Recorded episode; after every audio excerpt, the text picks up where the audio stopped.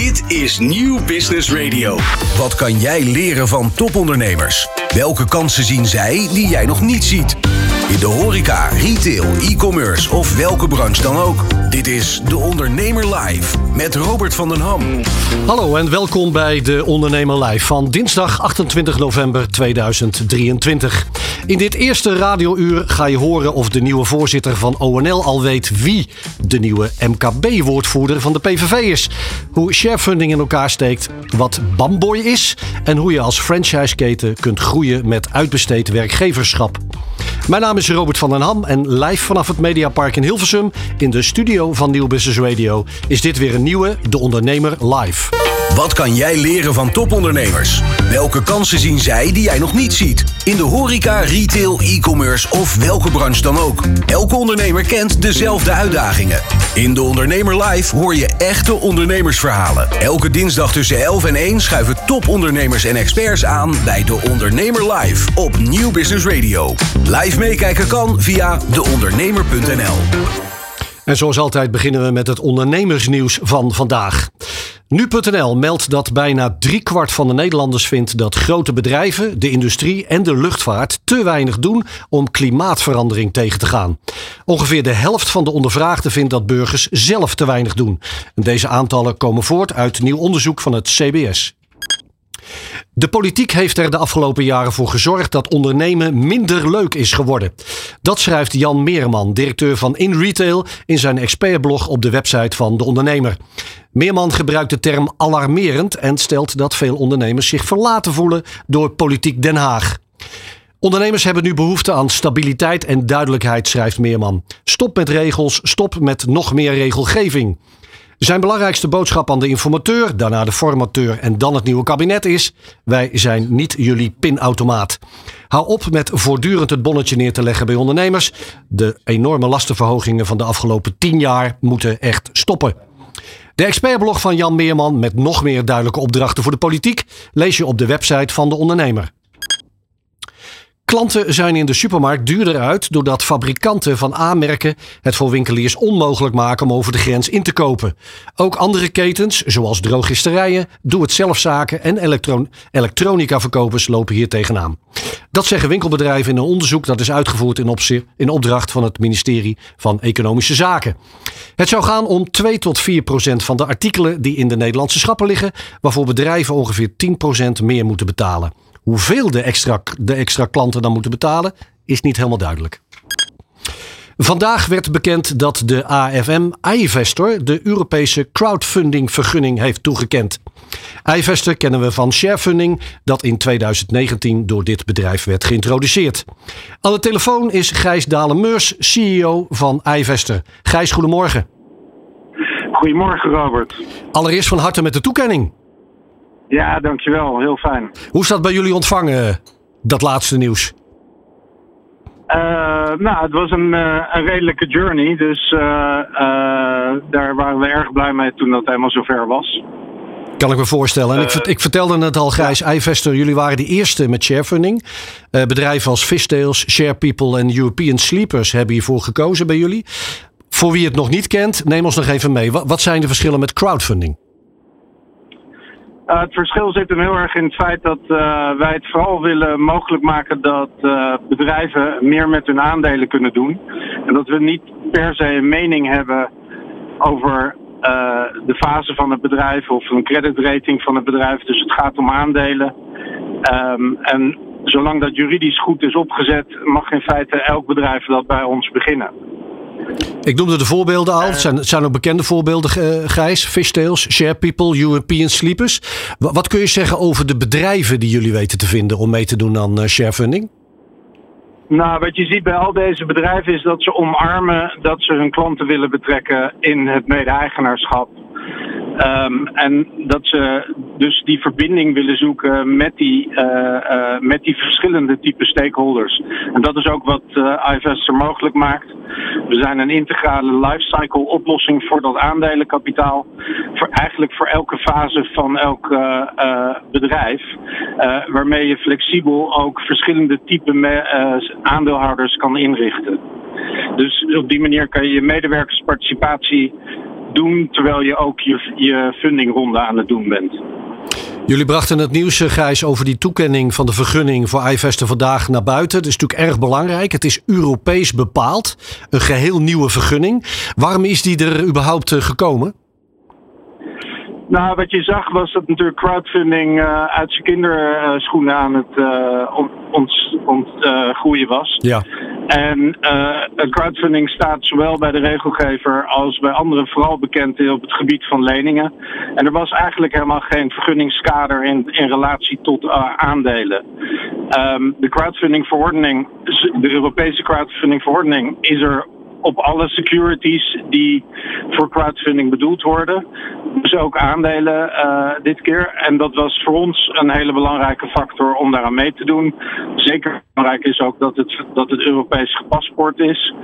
Um, en een ander uh, uh, speerpunt wat erin erkend was en waarom iVest zo ooit begonnen is, is dat het belangrijk werd dat mensen ook weer moesten kunnen uitstappen. Dus dat noemen ze secundaire transacties.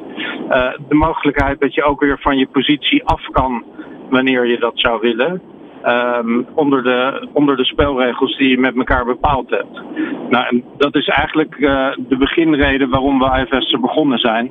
Is omdat we in dat aandelenkapitaal meer mogelijk wilden maken. Waaronder het kunnen verhandelen onder elkaar.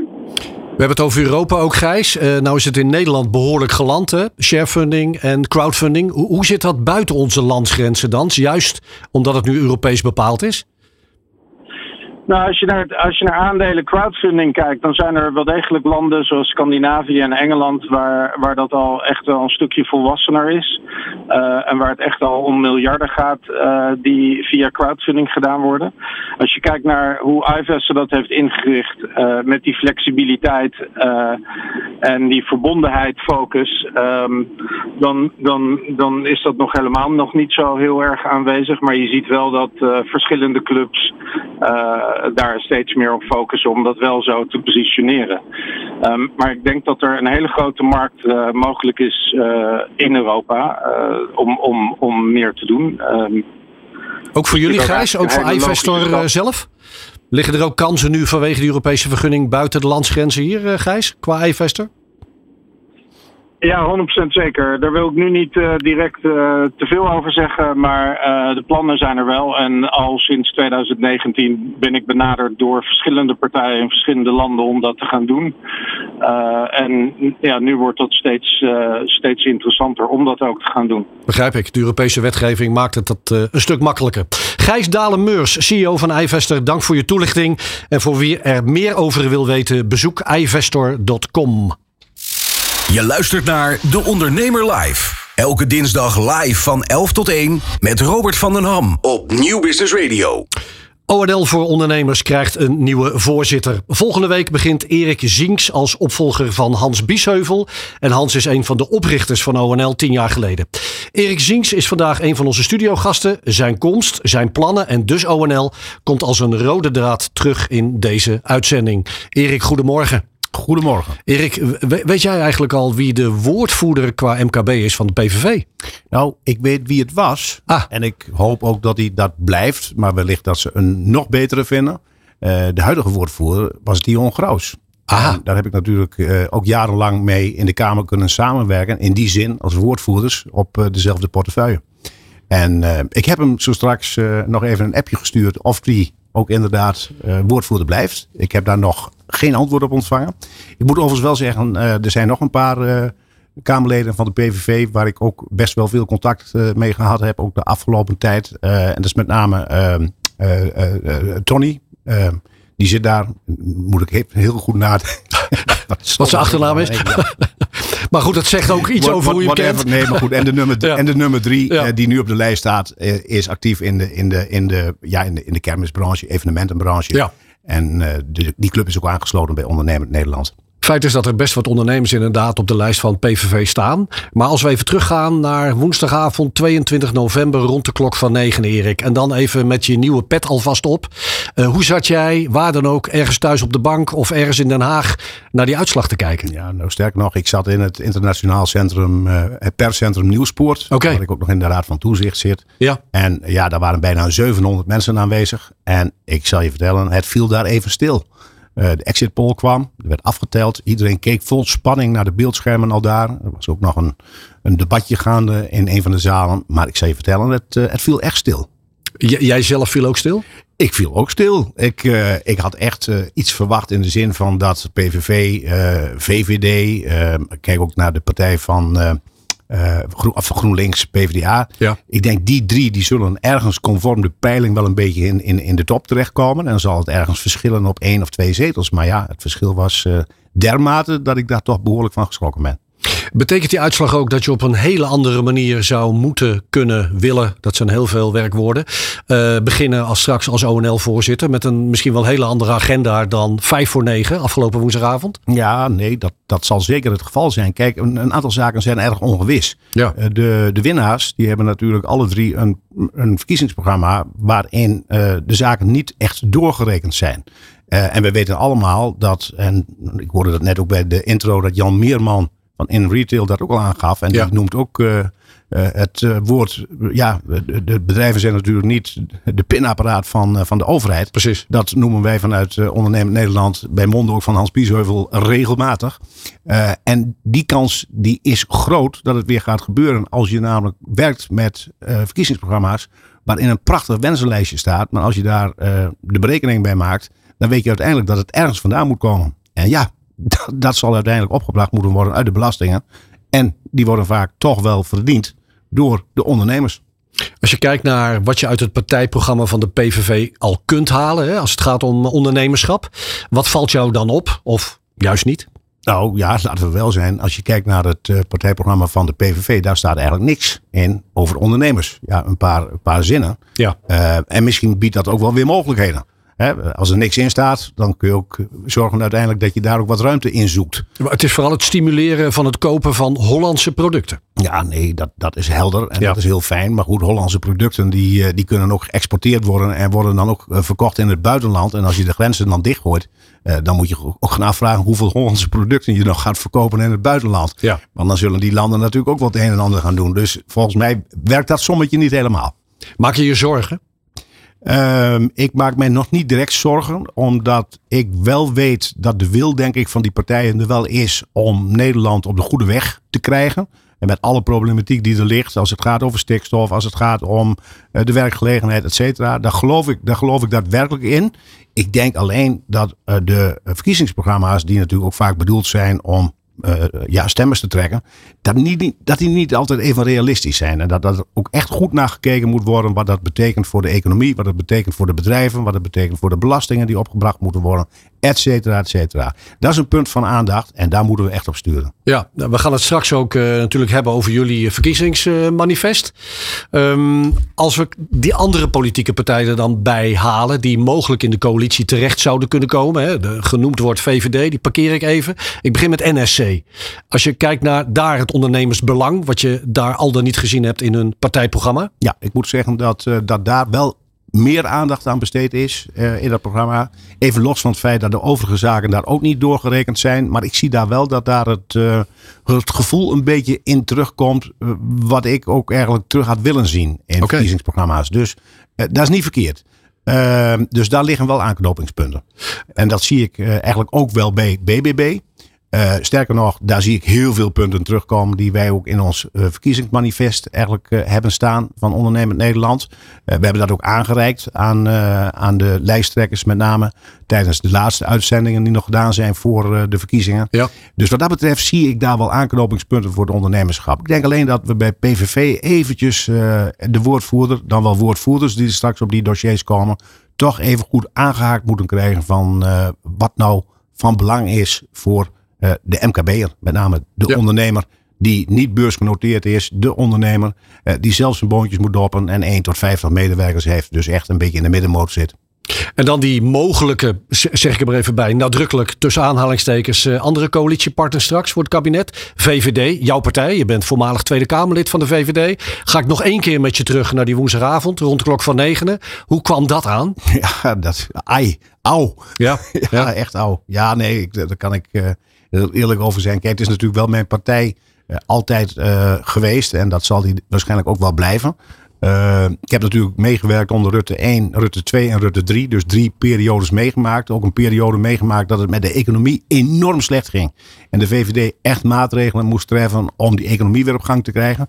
Uiteindelijk is dat ook gelukt. Wel met horten en stoten. Zijn ook dingen misgegaan. Maar uiteindelijk, ja, de situatie in die periode was dat er geen werkgelegenheid was. Weinig werkgelegenheid. En op dit moment, ja, uh, zijn de banen te over. Dus wat dat betreft uh, heeft dat beleid toch zeker effect gehad.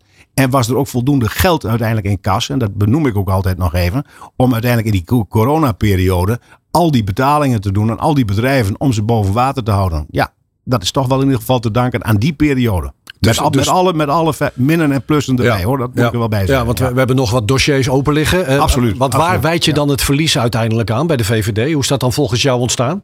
Ja, dat, dat kijk, eh, je hebt drie periodes, vier periodes zelfs uh, als, als partij, als grootste partij destijds meegedaan uh, in een kabinet.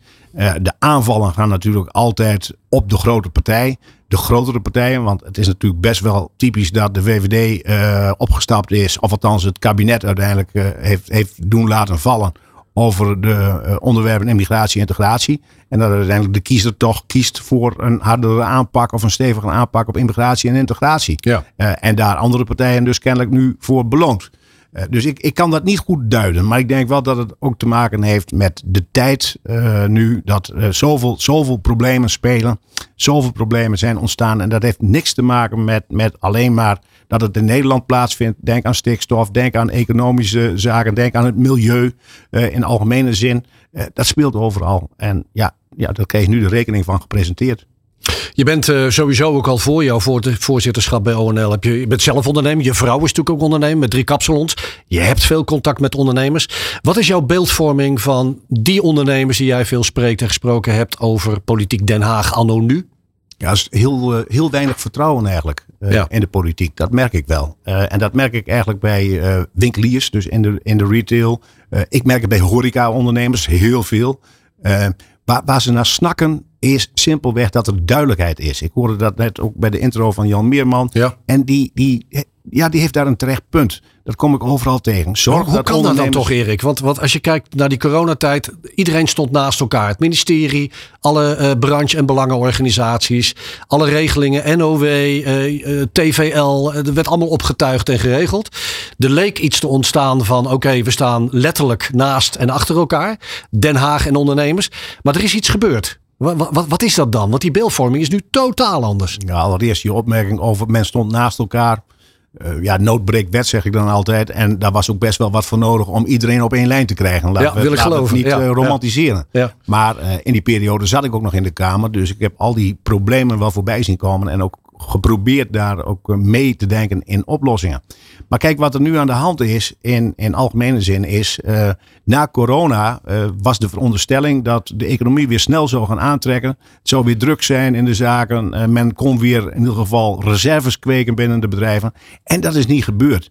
Neem de horeca bijvoorbeeld, direct na corona. Ze konden geen personeel krijgen. Wilden ze personeel krijgen, moest dat extra betaald worden. ze konden maar beperkt open zijn omdat er niet genoeg personeel was. Kort daarna kreeg je de situatie van uh, de, de oorlog in Oekraïne. Dus wat gebeurde er?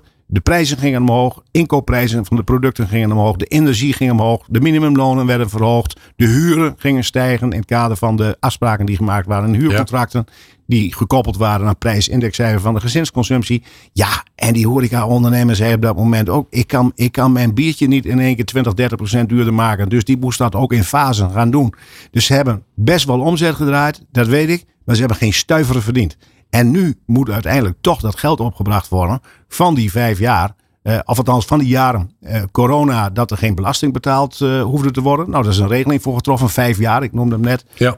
dat kan eventueel nog als je met de Belastingdienst tot afspraken komt en je kunt aantonen dat het levensvatbaar is, het nog een beetje oprekken naar zeven jaar. Maar het geld moet wel opgebracht worden. En dat geld kan uiteindelijk misschien wel opgebracht worden. Maar dat beperkt de ondernemer weer in investeringen. Een ondernemer steekt vaak zijn geld in zijn zaak. En dat betekent gewoon dat het geld er straks niet is. Dus dit gaat desastreus uitpakken op termijn. Daar ben ik van overtuigd. Wat zou dan jouw boodschap daaromtrent zijn nu aan dat mogelijke nieuwe kabinet met deze partijen in je, achterhoofd? Wat is dan het signaal? Ik denk dat uh, met name een nieuw kabinet heel veel aandacht moet hebben voor ook de grote groep ondernemers. En dat zijn volgens mij meer dan 40.000 op dit moment nog die uh, echt problemen hebben met het terugbetalen van de coronaschulden. Ja. Dat wil niet zeggen dat ik zeg dat ze niet moeten terugbetalen. Maar ik denk wel dat er heel goed gekeken moet worden naar maatwerk. Er zijn heel veel bedrijven die gewoon geïnvesteerd hebben. Die uh, geïnvesteerd hebben in hun medewerkers. Hun medewerkers in dienst hebben gehouden. Uh, geïnvesteerd hebben in, in scholing voor die medewerkers. Um, en die nu uiteindelijk erachter komen dat ze dat wel gedaan hebben. Uh, en nu erachter komen dat ze eigenlijk die, die schulden niet terug kunnen betalen. Dus eigenlijk zou je in dat maatwerk rekening mee moeten houden. Hoe zo'n bedrijf in de economie um, een plaats heeft. En hoe in de toekomst daar gezorgd wordt voor werkgelegenheid. Dat is echt een belangrijk ding. En wellicht dat je dan iets kunt bewerkstelligen met een, ja, een herstelfonds. Uh, ik heb het al eerder, eerder genoemd in, in andere uitspraken die ik gedaan heb. Misschien dat je in zo'n herstelfonds daar middelen kunt creëren. Dat die ondernemer, die echt daardoor zo in de knel komt, toch geholpen kan worden. Ja. Ja, dus een belangrijk deel van je missie straks ook, kan ik me zo voorstellen. In aanloop naar de verkiezingen kwamen er eigenlijk twee hele belangrijke thema's, ook al bij ons in de uitzending, ook met, met Hans Biesheuvel destijds, naar voren die vanuit ondernemers kwamen. Uh, dat is onder andere de verhoging, de extra verhoging van het minimumloon, maar ook de regeldruk. Um, over missie gesproken, regeldruk. Het is de afgelopen jaren natuurlijk meer en meer geworden, understatement. Dan komt ook nog eens een keer de toetsingscommissie vanuit de overheid die over regeldruk gaat. Met uitspraken is ja, er zijn een heleboel nieuwe wetten die niet eens uit te voeren zijn. Waarvan ook het effect niet eens aan te tonen is, bewezen zal worden. Over vertrouwen in politiek Den Haag gesproken, Erik. Regeldruk. Ja, regeldruk is uh, een, een, een veelkoppig monster, noem ik dat altijd. Precies. Er zijn heel veel regels die met de beste bedoelingen uh, ingevoerd zijn. En uh, daar hebben ondernemers ook echt geen problemen mee dat die regels er zijn. Want die horen er zijn. Maar ze moeten ook uitvoerbaar zijn. En daar zit vaak de crux. Um, en dat heeft het voormalige ACTAL, wat nu ATR heet, heeft dat inmiddels ook wel iedere keer onderschreven bij wetgeving die nieuw ingevoerd werd. Maar het gekke is dat de zittende politici kennelijk dat veronachtzamen. En daar niet goed naar kijken en zeggen: joh, als een dergelijk advies wordt gegeven, moet je deze wet dan gaan invoeren. Want uiteindelijk, ja, dat zag je onlangs weer met de plastic bakjes uh, bij de frietkraam. Uh, waar je dan inderdaad uh, een soort van statiegeld, of nee, niet eens statiegeld voor moest betalen, maar een toeslag. Ja, ja. En of je moest je eigen bakje opnemen, meenemen. Ja, weet je, dat weet je op voorhand dat dat gaat mislukken. En dan zie je dus dat de, uh, er zijn eisen van, de, van, de, van VWS, hè, het ministerie van Volksgezondheid, die dan zegt, ja, dit, dit mag niet. Uh, dus dat betekent, je mag, je mag niet je in feite een, een, een, bakje meenemen voor jezelf, want daar kan van alles in zitten. En die ondernemer zegt, ja, daar stop ik daar niet in. Straks ben ik aansprakelijk voor uh, de, de bacteriën die erin zitten. Dus, dus dat gaat gewoon niet werken. Dat zijn van die hele rare dingen. Waar, zou je moeten beginnen? Kijk, in onze vorige uitzending, de ondernemer kies, zei een, tegen, zei een van de politici tegen een van de ondernemers: Oké, okay, maar van welke regels wil je dan af? En toen viel het even stil. En het viel, en ik vond het sowieso een nou, bijna retorische vraag. Ook een beetje een flauwe vraag. Want het is zoveel dat ze niet wist waar ze moest beginnen. Maar het kwam over alsof ze geen antwoord had. Ja. Als ik jou nou die vraag stel, waar moeten we beginnen? Van welke regels zouden we nu als eerste af moeten en kunnen, Erik? Nou ja, er is bijvoorbeeld nu een regel ingesteld, of die wordt ingesteld, uh, dat je de kilometrage moet gaan bijhouden van je, van je medewerkers. Uh, in het kader van milieurapportages die je moet gaan doen voor je bedrijf. Ja, Dan denk je, joh, wat heeft dat voor zin? Ja. Uh, wat, wat, wat doe je daarmee? Nou, zo'n regel zou je onmiddellijk kunnen gaan afschaffen. Zeggen. Die, die, die, die brengt weer zoveel administratieve rompslomp met zich mee. Dat wordt op een papiertje of in een bestand aangeleverd. Komt in een mapje terecht. Iemand zet het in een kast en die zegt, nou, ik heb weer voldaan aan de regelgeving. Daar heb je helemaal niks aan. En zo zijn er nog tal van die zaken te noemen. En ik begrijp heel goed dat als je de ondernemer direct vraagt, waar heb je nou last van qua regelgeving? Dat ze even goed moeten gaan nadenken. Want de stapeling is inderdaad groot. En het heeft ook vaak te maken met gemeentelijke, provinciale regels. Die dus uh, eigenlijk niet gekoppeld zijn aan landelijke wetgeving. Maar vaak ook opgelegd worden door allerlei verordeningen. Ja. Dus daar moet ook op gelet worden. Alleen dat heb je als, ja, dat, dat, dan moet je toch echt zijn met de lokale en de provinciale overheid. Maar daar vraag ik ook aandacht voor. Over uh, regels, regeldruk en het elkaar vinden uh, gesproken. Um, ander punt, Erik, wat veelvuldig naar voren kwam, is die extra verhoging van het uh, wettelijk minimumloon. Ook daarvoor, je noemt net de horecabranche al, zeker ook alles en iedereen verder in het MKB, wordt daardoor geraakt. Waarbij je ook wel hoort van natuurlijk gun ik mijn mensen het beste en gun ik ze meer salaris. Hierbij is het niet gezegd dat ze netto meer overhouden. En bovendien, waar haal ik dit zelf straks weer vandaan? Is dit nog een issue wat je mogelijk in de nieuwe coalitie kunt aankaarten? Of is dit een gelopen race? Nee, dat lijkt me niet. Dat is vast geen gelopen race. Want ik denk dat je eigenlijk zelf al het antwoord al een beetje gaf. Uh, een ondernemer die gunst personeel het allerbeste. En Elke ondernemer die gunt zijn medewerker meer netto loon. Maar het probleem zit in die verhoging van het minimumloon. Dat uiteindelijk onderaan de streep er niet echt veel meer overblijft. De ondernemer zelf moet zijn prijzen gaan verhogen om die kosten weer te compenseren. En vervolgens degene die het geld inderdaad ontvangt als werknemer gaat overal weer een hogere prijs betalen. Dus die wordt er echt niet beter van. Dus uiteindelijk zul je als overheid iets meer moeten doen aan al die lasten die erop zitten. Loonbelasting, de premies die erop zitten. Kijk naar je eigen. Kijk hoe je daar in ieder geval efficiënter kunt gaan werken. Dan kan dat salaris gewoon simpelweg, als het omhoog gaat, netto meer betekenen voor uh, de werknemer. Nog een opmerking daarover. Alle uitkeringen worden daar ook mee opgeplust.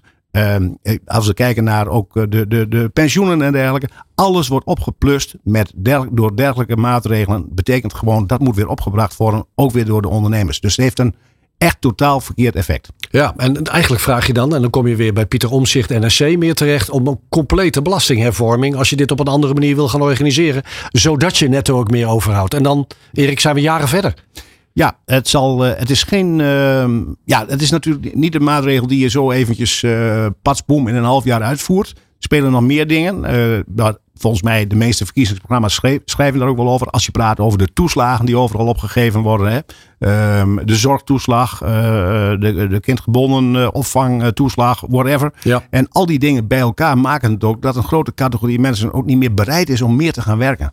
Dus dat is een heel raar effect. Daar moeten we ook van af. Dus al die zaken bij elkaar onder de loep nemen. Zorgen dat je daarmee in ieder geval ook mensen weer bereid vindt te gaan werken. Omdat ze er ook echt voor beloond worden. Want werken moet lonen. Dank Erik Zinks, de nieuwe voorman van ONL. Tot zover. Later in de uitzending praten we uitgebreid met je verder. De pitch. Ben jij degene met een briljant idee en ben je op zoek naar funding of een investeerder? Dit is De Ondernemer Pitch. Maak jouw plan wereldkundig binnen één minuut. Wekelijks krijgt een ondernemer in de Ondernemer Live met een hemelbestormend idee op zoek naar funding de kans om zijn of haar bedrijf en zichzelf onder de aandacht te brengen.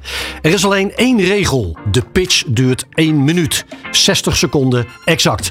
Aangeschoven is Jozef Nikisch, een jonge Amsterdamse ondernemer, opgegroeid en met een passie om de wereld een stukje beter te maken. Tijdens zijn studietijd besloot hij een duurzamere wereld om te zetten in realiteit. Bamboy. De pitch.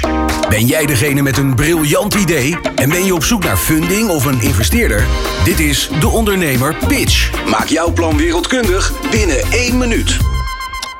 Wist je dat elke maand bijna 1 miljoen bomen rechtstreeks door het toilet worden gespoeld? En dat voor gerecycled toiletpapier zware chemicaliën worden gebruikt? Sterker nog, PFAS uit toiletpapier blijkt een van de belangrijkste boosdoeners voor de verontreiniging van oppervlaktewater. Ja mensen, de Forever Chemicals zitten ook in toiletpapier. Mijn naam is Jozef en ik ben de medeoprichter van Bamboy.nl. Wij maken toiletpapier van 100% bamboe. Alle bamboe komt uit verantwoord bosbeheer. Ons toiletpapier is chemicaliënvrij en heeft geen negatieve, maar zelfs een positieve impact op het klimaat. Geen bomenkap, geen chemicaliën, maar pure bamboepower.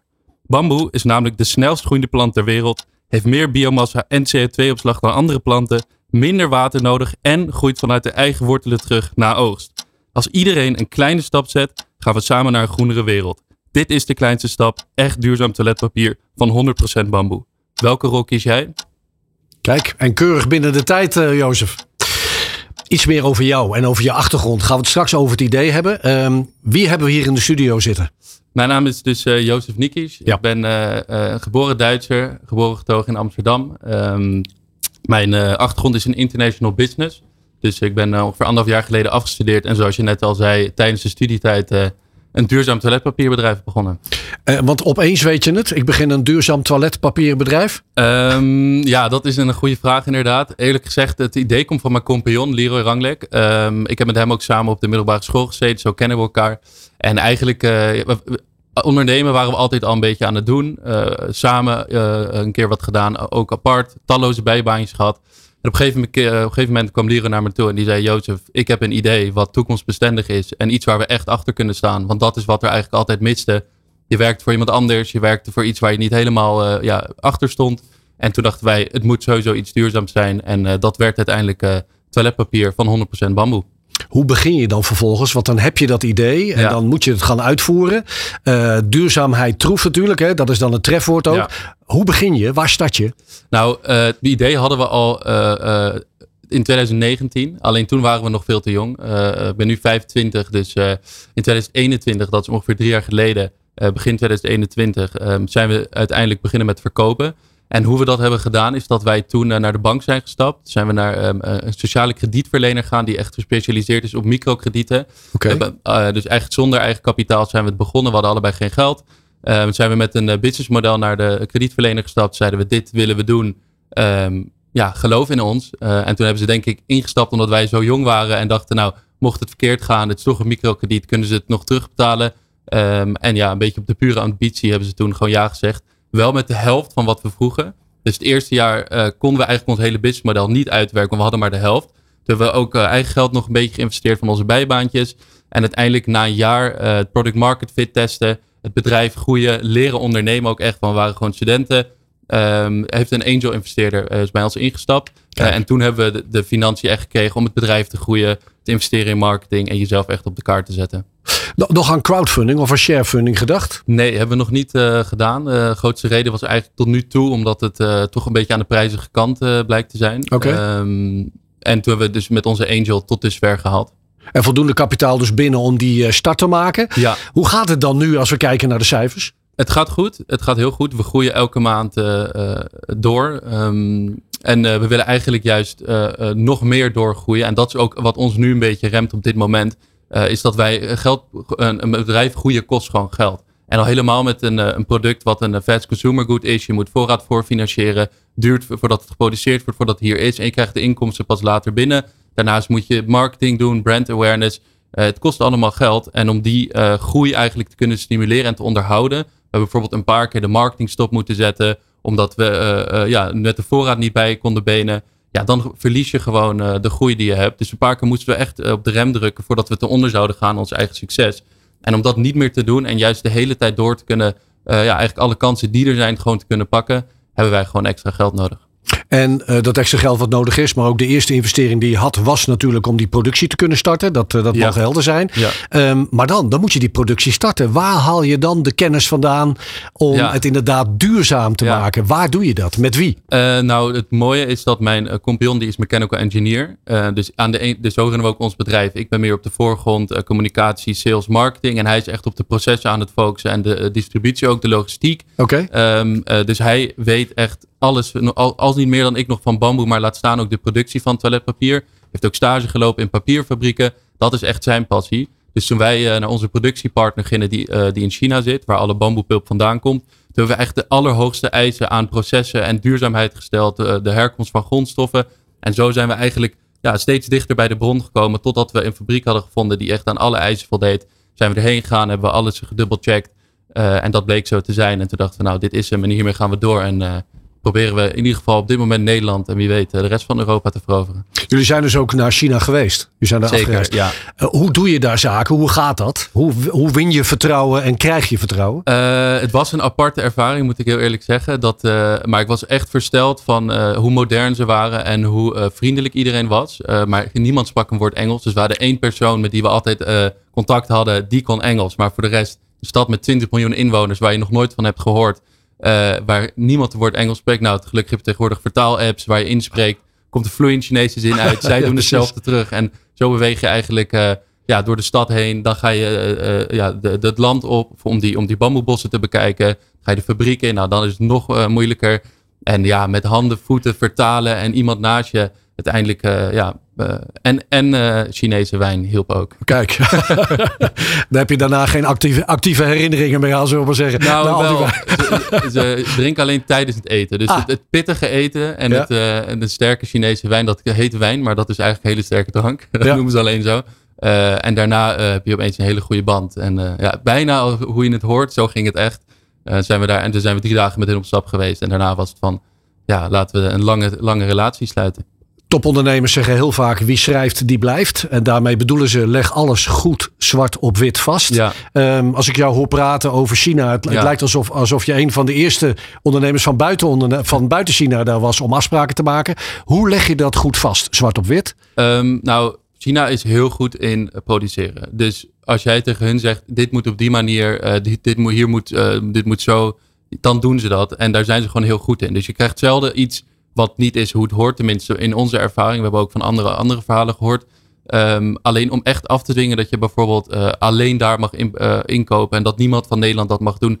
Dat wordt gewoon heel moeilijk op het moment dat je het direct van de bronnen haalt. Want dat zijn gewoon grote spelers, fabrieken, die moeten kunnen blijven produceren om hun personeel te kunnen blijven betalen, om de hele winkel draaiende te houden. Ja, daar gaan wij met heel Nederland niet eens echt een deuk in kunnen maken.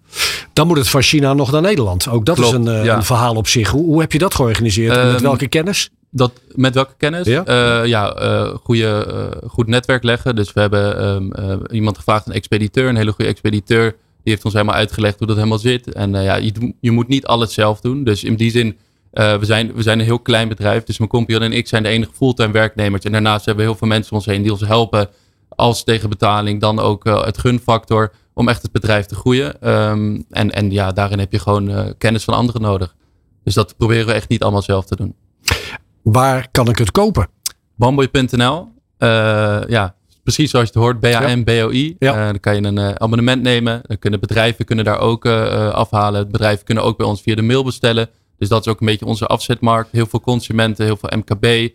Maar ook doen we directe zakelijke levering aan bijvoorbeeld hotels die wat grotere afnamen kunnen ja, opslaan. Zo, en opdat wij die naam nooit meer gaan vergeten, ga ik je natuurlijk vragen waar de naam vandaan komt. Ja, um, eigenlijk was het een speling op bamboe.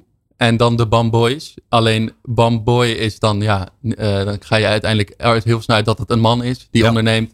Moet natuurlijk wel een beetje met de tijd blijven. En toen hebben we Bamboy met de ieder van gemaakt. Heeft ook weer een beetje een Asian ring to it. Uh, ja, zo is dat uiteindelijk gekomen. Goed. Hey, hoe gaan de verkopen tot nu toe? Goed, ja. Ja, ja. Um, uh, ja zoals ik zei, we groeien elke maand. Ja. Uh, en we zijn op dit moment uh, op zoek dus om een nieuwe markt open te breken met een aantal nieuwe producten. Om echt die afzet te kunnen, ja, volgend, volgend jaar te kunnen verdubbelen. En dat is eigenlijk wat we ook elk jaar tot nu toe hebben gedaan. Eerste jaar hebben we het verdubbeld. keer drie gedaan, sorry. Tweede jaar verdubbeld. En nu willen we eigenlijk nog een keer een doorstart maken met nieuwe producten om ja, uh, toch een grotere afname nog te realiseren. Die grotere afname ligt hem misschien ook wel in de grote winkelketens. En dan kom je Klopt. natuurlijk in het gezichtsveld van tal van concurrenten. Ja, ja. Hoe ga je dat aanpakken? Ja, um, nou wij hebben bewust ook aan het begin ervoor gekozen, juist omdat we heel weinig beperkte financiële middelen hadden, om niet meteen met retailketens in gesprek te gaan. Uh, retailketens laten je heel groot uh, opblazen, daar ga je helemaal in investeren, aparte verpakkingen voor maken. Heel nauwkeurig houden ze het in de gaten. Als het niet draait, kunnen ze er zo weer uitgooien. Dus het was ons heel bewust dat we een eigen branding moesten creëren. Een eigen afzetmarkt. Uh, dat mensen echt bamboy uitvragen en niet bamboe toiletpapier. Dus dat we echt een, ja, een, een, een household name worden. Ja. Um, en, en dat dan ook onze onderhandeling uh, sterker wordt, positie op het moment dat wij met zo'n uh, retailketen gaan praten. dus in die zin willen we ja, een, echt een, de, de, ja, het bamboe toiletpapiermerk van Nederland worden. Um, je, je, ziet het mij denken, voor jou is een open deur vraag. En ik zie het bijna ook de kijkers en de luisteraars denken. Ja. Laat ik het netjes formuleren, deze vraag. Is het prettig in gebruik? Uh, ik, heb, ik ga de hele studio rollen achterlaten. Dus dan kunnen jullie ook uh, een recensie achterlaten. Uh, maar dat, grappig genoeg is dat dat iedereen denkt. Die denken, is het wel zacht bamboetoiletpapier? Ja, ja, maar het is heel zacht, heel sterk. Het is iets dunner papier. Maar het is heel sterk, waardoor je er echt nooit problemen van hebt. en ja, we krijgen heel veel positieve reacties. Neem ons mee. Wat kan ik eh, doen om jullie te supporten? Um, wij zoeken heel platgeslagen naar een financiering. Um, dus wij, wij hebben dan angel. Op dit moment denken we, oké, mocht er echt iemand zijn die echt, echt wilt instappen op het idee en in de toekomst gelooft, zijn we ook bereid nog een keer equity weg te geven. Dan moet het wel het juiste bedrag tegenover staan. Um, alleen in, in, principe zoeken we voor een financiering voor de voorraad. Uh, om die nieuwe producten die we willen lanceren, om die nieuwe markt open te breken. Daar hebben we gewoon een financiering voor nodig ligt tussen de ongeveer rond de 3 ton, 300.000 euro. Uh, en we hebben helemaal berekend ook dat we dat binnen, binnen twee, binnen drie jaar zelfs kunnen terugbetalen. Oké. Okay. Um, en, en het zijn nieuwe producten, maar die producten worden uit de markt getrokken. We hebben hele loyale klanten die dit hebben uitgevraagd. Dus in principe, de afzet is natuurlijk nooit gegarandeerd. Maar we weten dat er eh, ja, genoeg klanten zijn die dit product al willen. Producten. En als ik met je in contact wil komen, via de website? Ja, zeker weten. Of via bamboy.nl. Oké. Jozef Nikisch van Bamboy, dankjewel Yes. voor je komst en heel veel succes. Jullie bedankt. Leren van topondernemers. Kansen zien waar anderen overheen kijken. Dit is De Ondernemer Live. Please werkt voor het MKB, maar ook voor franchise- en multi-unit ketens. En daar speelt vaak andere problematiek. Zo moet je denken aan het behouden van de oorspronkelijke bedrijfscultuur, uniformiteit, kwaliteitsborging en compliancy. Please pleit er dan voor om het stuk werkgeverschap verplicht onderdeel te maken van franchise-formules, net zoals marketing en inkoop dat ook zijn. Over het waarom en hoe praat ik met Jaap Wijnings en hij is nieuw business developer bij Please. Jaap, goedemorgen. Goedemorgen. Welkom hier op het Mediapark in Hilversum. Dankjewel. Om met de vraag dan ook meteen maar te beginnen. Waarom moet dat stuk werkgeverschap onderdeel worden van franchise-formules? Nou, we zien bij franchise-formules dat ondernemerschap en eh, het draait om de uniformiteit. En we zien nog veel te veel dat eh personeelszaken en personeelsbeleid echt een op zichzelf staand iets is wat per vestiging verschilt. Niet iedere ondernemer is een goede werkgever. En inderdaad, wat je al zei, de andere problematiek die speelt, vaak in de waan van de dag eh, gebeuren zaken. En daar kleven enorme risico's aan. Kun, kun je ook voorbeelden geven uit de praktijk waar jullie al tegenaan gelopen zijn, wat dat betreft? Nou, een vrij recent voorbeeld is nog dat er een eh, middelgrote eh franchiseketen was. die een minderjarige bezorger buiten de toegestane tijd van de arbeidstijdenwet op pad heeft gestuurd met een bestelling. Die bezorger is doodgereden door een eh, dronken automobilist. Wat een in en in triest verhaal is. Ja. Ehm, alleen je ziet daar dat er hè, met echt alle gevolgen van dien. Dus je ziet de formule die met naam en toenaam negatief in het nieuws komt. Er komen rechtszaken. Dus over de duur van nou, meer dan een jaar eh, komen die formules negatief in beeld. Eh, daarnaast zie je dat er een geldboete is eh, opgelegd aan de franchisegever. Ondanks dat het op lokaal niveau bij de franchise-nemer misgaat. De formule krijgt dus ook die geldboete. Ehm, de franchise-nemer heeft een taakstraf gekregen. Had een gevangenisstraf kunnen zijn. Maar het ergste is nog wel dat het ten koste gaat van de mensenleven. En dit is natuurlijk een heel extreem voorbeeld. Maar er zijn tal van voorbeelden waarbij pensioenfondsen eh, eh, een claim leggen bij een, een werkgever en een rechtszaak starten. Ja. eh, dat ze onder de werkingssfeer van dat pensioenfonds vallen. Hè, dat is recent nog bij een grote eh, pizzaketen gebeurd. Hoge Raad uitslag, eh, uitspraak gedaan. En dus van toepassing voor die formule. Ja, je krijgt je meteen natuurlijk jurisprudentie op eh, vervolgens. Ja, Precies, Ja. eh, want dat geldt nu voor heel veel andere bezorgformules. Ja. Ja. In hoeverre kun je van bedrijfsleiders, eh, ook bij, dit, bij franchise-formules, verwachten dat zij dit goed kunnen regelen met, met, voldoende kennis? Nou ja, en bij bedrijfsleiders is bij, bij andere organisaties, hè, bij franchise spreken we dan over franchise-nemers. Ja. Ehm, die, wij vinden dat die franchise-nemer, die kan van toegevoegde waarde zijn als hij de focus heeft op het begeleiden van zijn team, het ontwikkelen van zijn mensen, eh, aandacht voor de gast, voor de klant in de zaak. Daar moet hij, dat is een core business. En het stuk werkgeverschap, de veranderende wet en regelgeving. Ik hoorde net al een andere spreker eh, het hebben over regeldruk. Ja. Nou, eh, ook op HR-gebied is dat enorm. Verandert ieder jaar weer. Nieuwe pensioenwet, wettelijk minimumlonen, wordt op een andere manier berekend. Dat is niet bij te houden. Het- wij hebben daarvoor een hele afdeling zitten die niks anders doet dan die wijzigingen bij te houden. Daar continu op te sturen, kijken wat de gevolgen zijn.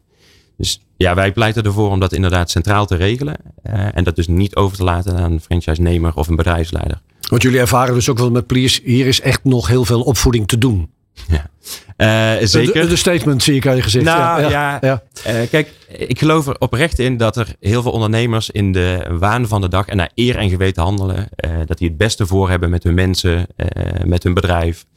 Alleen doordat het in dermate kleine eh, eh, missers al zo'n grote gevolgen hebben, is dat bijna niet te verwachten. En eh, nou, wat je ziet, hè, een bezorger eh, hier, eh, de bestelling die moet de deur uit. Ja. Het is net iets later dan de arbeidstijdenwet toestaat. Die jongen is net iets te jong, of die dame. Eh, daar staan ze niet bij stil op het moment dat dat eh, aan, de, aan de orde is. Als we kijken naar franchises, ehm, zie je dan nog bepaalde segmenten, bepaalde branches waar dit misschien meer speelt dan weer in andere branches? Is daar een onderscheid aan te geven? Ehm, je, ja, je ziet, eh, er zitten verschillen. Je hebt franchise-organisaties die echt meer de, de winkels bedienen. Hè, de, gewoon de vaste tijden. En, en daar aan de andere kant heb je de, de horeca-formules, de, de hospitality-formules. veel mensen, veel jonge mensen, snel. de bestelling komt binnen, hup, moet binnen een paar minuten weg. Daar zit die druk meer dan bij formules die een wat stabieler proces hebben. Ja, en, en dan kan Please in beeld komen natuurlijk om, om daarbij de helpende hand te bieden. Hoe werkt dat dan in praktijk?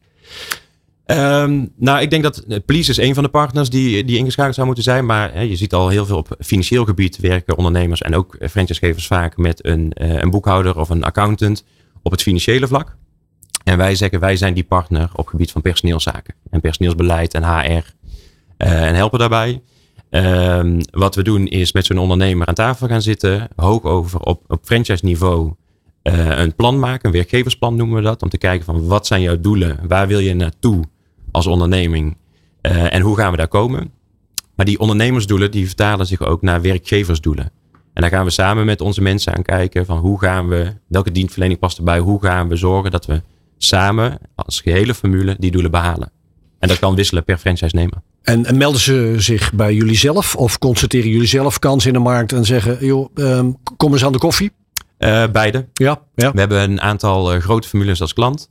Uh, die echt zeggen van wij brengen het personeelsbeleid onder bij Please. En zij helpen daarbij. Ook de nieuwe vestiging die erbij komt, wordt Please ingeschakeld om dat netjes te regelen. We zijn zelf ook actief natuurlijk in de markt. het is een kleine wereld, dus nou, ik, ik, ken er veel, zal ik maar zeggen. Ja, ja. en je merkt met name dat er, ook weer als er die regeldruk weer toeneemt, er zijn de spelen nieuwe zaken. Dan komt er heel veel vraag. Nu ook vrij recent van een, een pizzaketen inderdaad. Die worstelt met de pensioenen. Hè, die wetgeving, de jurisprudentie die er is. Ja, dan komen die vragen dan. Kun je nog iets tastbaarder maken op het moment dat ik please over de vloer krijg? Krijg ik dan een, een vast contactpersoon, een afdeling? Hoe, hoe werkt dat in praktijk? Zoveel uur? Of? Ja, die samenwerking is eigenlijk tweeledig. Aan de ene kant is dat het begint altijd bij nou, het werkgeversplan maken. Samen kijken naar de behoeftes. Maken we die inventarisatie. Uh, dat doe ik veel met die, met die ondernemer. En vervolgens uh, krijgen we binnen een vast contact, een contactteam. En aan de ene kant hebben we dus de, de, de, de kennis en expertise van onze mensen. En dan moet je denken aan een verzuimafdeling die we hebben, een HR-afdeling, een juridische afdeling. Echt alles wat je nodig hebt als werkgever. En aan de andere kant is dat onze software. Uh, we hebben in huis hebben wij Eber ontwikkeld. En dat is software waarin alles wat op het gebied van personeelszaken zit, ingeregeld is, geautomatiseerd is uh, en werkt met signaleringen. Dus op het moment, onze planningstoel, die is gekoppeld aan de arbeidstijdenwet. Op het moment dat je je planning maakt en je zou zo'n minderjarige bezorger inplannen, krijg je een signaal van, hé hey joh, dit kan niet. Precies. Uh, daarnaast ook, hè, uh, bij formules is het ook heel erg belangrijk om die, die initiële uh, bedrijfswaarden, normen en waarden, dat, dat gevoel, die, die cultuur te bouwen. hebben een planningstoel daarin, of een onboardingstoel moet ik zeggen, daarin zitten die zorgt dat iedere nieuwe medewerker meteen op de juiste manier onboord wordt binnen de structuur van het bedrijf. Dat die cultuur behouden blijft. En ook met franchise met name gericht op die uniformiteit. Het is ook vooral dus gericht om uh, problemen uit te sluiten, hè, te voorkomen. Te voorkomen. Um, spreken jullie met klanten dan ook uh, KPI's af van oké, okay, als we die periode dat enzovoorts? Werkt het zo? Nou, we kijken met name meer naar die lange termijn doelen. Ja, en daar gaan we naartoe werken. En uh, dat zit hem aan de ene kant, als wij ons werk doen, vallen we niet op. Want dan voorkomen we inderdaad fouten. Dat is een goed teken. Ja, ja, Dan, dan zijn we zo weinig mogelijk zichtbaar. Ja. Um, de systemen, de, de, de software, Abler, automatiseert uh, de, de veelkomende en repeterende HR, administratieve HR-zaken. Um, dus nou, daar zijn weinig KPI's af te spreken. Behalve dan de doelen die we samen willen bereiken. Ja, laten we afsluiten met vanuit jouw expertise en professie de drie gouden tips voor onze luisteraars en kijkers als we kijken naar dit thema. Ja, um, dan zou ik beginnen met uh, personeelsbeleid uh, een vast onderdeel maken van een formule. Zoals marketing, je zei het al, marketing, maar ook uh, inkoop, dat zijn. Maak hier nou, je kunt dit niet verwachten dat dit op lokaal niveau allemaal op ieder filiaal goed geregeld is. Ga hierin begeleiden. Dus er moet onderdeel worden van de formule. Ja is nog niet gebruikelijk, maar daar moeten we wel echt naartoe. Um, tweede tip zou zijn, uh, zet die HR-tech in. Hè, de software, apps, uh, noem maar op. In dit in ons geval dan Abler. Omdat de, uh, de automatiseren, dus de, de repeterende HR-processen te automatiseren. problemen te voorkomen. Dus zet die HR-tech in. En de derde, ja, misschien een dooddoener, maar alleen ga je sneller en samen kom je verder. Zoek de juiste partner om je heen een goede accountant en voor de financiën. Een werkgeverspartner als Please voor de personeelszaken. Dus er zijn nog nog tal van partners te noemen. Maar verzamel de juiste mensen om je heen. Helder Jaap, dankjewel. Deze tips zijn ook terug te lezen op de website van de ondernemer. En natuurlijk nog veel uitgebreider op de website van Please. Jaap ja. nieuw business developer van Please. Dank voor je komst hier naar de studio. Graag gedaan, dankjewel. Leren van topondernemers. Kansen zien waar anderen overheen kijken. Dit is De Ondernemer Live. Afgelopen zondag was er de derde aflevering van de Young Business Award, waarin veelbelovende scale-ups hun bedrijf pitchen aan een heuse vakjury. Wie de aflevering terugkijkt op Videoland ziet dan ook drie ondernemers om die felbegeerde finale plek te pakken, om zich vervolgens te mogen kronen tot de meest veelbelovende jonge onderneming van Nederland. De vakjury koos in aflevering 3 voor Evi. Grootste impact, meeste feel good, beste pitch. Wat Evi doet en wat het tot een kanshebber voor de titel maakt, zie je onder meer op deondernemer.nl en hoor en zie je nu.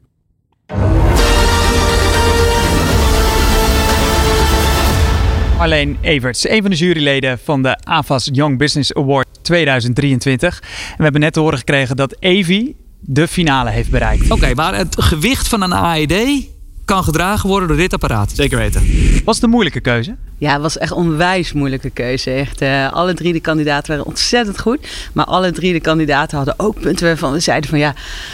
Hoe, hoe snel kunnen ze schalen of hoe, tegen welke problemen lopen ze allemaal aan? Maar uh, ja, uiteindelijk hebben we echt wel met volle overtuiging voor even gekozen. Ja. En als je nou even inzoekt op de pitch, heb je dan een puntje waar je van denkt van, nou, daar kan nog wel aan gewerkt worden, zo met het oog op die finale? Nee, ik ben eigenlijk verbaasd hoe goed iedereen pitcht. Dat gaat, dat komt er zo lekker en zo vlot uit. Ik weet hoe moeilijk het is om te pitchen.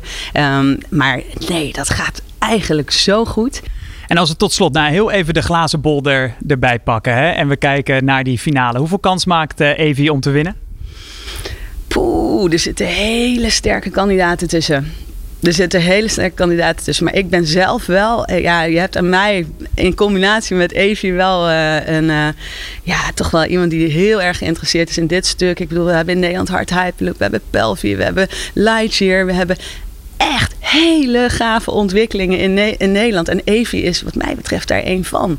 Die al een werkend model heeft, waar al 35 van rondvliegen. Ja, dat is, het, hij scoort bij mij in ieder geval heel erg hoog. We gaan het zien. Dankjewel. Patrick hier van Evi is een van de gelukkige finalisten van de AVAS Young Business Award 2023. Kan jij in één zin uitleggen, Patrick, wat Evi precies doet? Ja, met Evi bouwen wij dronevliegtuigen um, om de hulpdiensten te helpen uh, bij rampen en incidenten. En waar moet ik dan een beetje aan denken? Um, nou, bij bijvoorbeeld uh, uh, aardbevingen om te zoeken naar mensen als er branden of bosbranden zijn uitgebroken om te ondersteunen. Maar ook bijvoorbeeld voor het uh, transporteren van bloed naar vrouwen in Afrika die bevallen en die dat echt urgent nodig hebben. Hoe ben je op dit idee gekomen? Nou, ik heb zelf een keertje in een situatie gezeten dat ik echt hulp nodig had. Dat was echt leven en dood. En toen was er dus geen hulp. toen dacht ik, ja, hoezo niet? Uh, toen ben ik eens erin gaan duiken. En toen kwam ik erachter dat eigenlijk de enige manier om snel ter plaatse te zijn, is nu helikopters. Die kosten 6.500 euro per uur. Uh, en zijn zo ontzettend duur in aanschaf dat heel veel landen of gebieden of berggebieden die niet hebben. Ben ik naar drones gaan kijken, maar die vliegen 20 minuutjes en nou, misschien een kilometer ver. Dus er moest iets nieuws bedacht worden. En dat hebben we toen gedaan. Vandaag is natuurlijk een ontzettend succesvolle dag voor jou, finalist. Is het zo altijd gegaan als je kijkt op jouw ondernemersverleden? Nee, en ik denk dat elke ondernemer kan beamen dat uh, de weg uh, uh, heel veel hobbels heeft. en bij ons extreem veel. Kijk, wij bouwen een hardwareproduct, of hardware en software combinatie. En dat is gewoon best wel moeilijk. software is, is, schaalbaarder, wij moeten het bouwen. Ook nog eens in een branche die best wel lastig is, luchtvaart. Daarin moet alles werken. En je hebt zo'n mooie gezegde vanuit de bekende Amerikaanse investeerder die altijd zegt: um, If you're not super embarrassed about your product, uh, uh, then you went to the market too late. Weet je wel? Dus, dus je moet een soort van heel snel prototypen en gaan. Maar in ons geval kan dat helemaal niet, want ja, we kunnen niet met één vleugel vliegen. Het moet allemaal super hoge kwaliteit zijn. Dus de weg om daar te komen in een nieuwe markt met nieuwe technologie, niet bestaande regelgeving, was echt uh, heel erg taai. Dus ja, dan is dit wel weer heel cool om een beetje erkenning te krijgen. En straks kans op die, op die hoofdprijs, de AFAS Young Business Award. Wat kan zo'n prijs jullie brengen? Nou, weet je, we, hebben met een heel team hebben we hier gewoon jarenlang kei en keihard aan gewerkt. En uh, ik ben natuurlijk eigenlijk maar een klein radertje in dat hele systeem. Dus ik denk dat dit echt te gek zou zijn om uh, nou, eigenlijk de, hele organisatie uh, echt een hart onder de riem te steken. en daarbij, kijk, wij zijn echt een impactbedrijf. Dus ik hoop ook dat het een inspiratie kan zijn voor, voor al die andere mensen met een idee om de wereld een stukje mooier te maken. Gewoon te denken, fuck it, we gaan het doen. Ben je nou benieuwd geworden naar de pitch van Patrick en over Evi? Kijk dan naar RTL Z en video. Leren van topondernemers, kansen zien waar anderen overheen kijken. Dit is De Ondernemer Live. En zo is het. Dit was uur 1 van de Ondernemer Live op deze 28 november. Blijf kijken en luisteren, want na 12 gaan we door. En praat ik verder met onder meer Erik Zienks, de nieuwe voorzitter van ONL voor Ondernemers. Wat kan jij leren van topondernemers? Welke kansen zien zij die jij nog niet ziet? In de horeca, retail, e-commerce of welke branche dan ook. Elke ondernemer kent dezelfde uitdagingen. In de Ondernemer Live hoor je echte ondernemersverhalen. Elke dinsdag tussen 11 en 1 schuiven topondernemers en experts aan bij de Ondernemer Live op Nieuw Business Radio. Live meekijken kan via deondernemer.nl.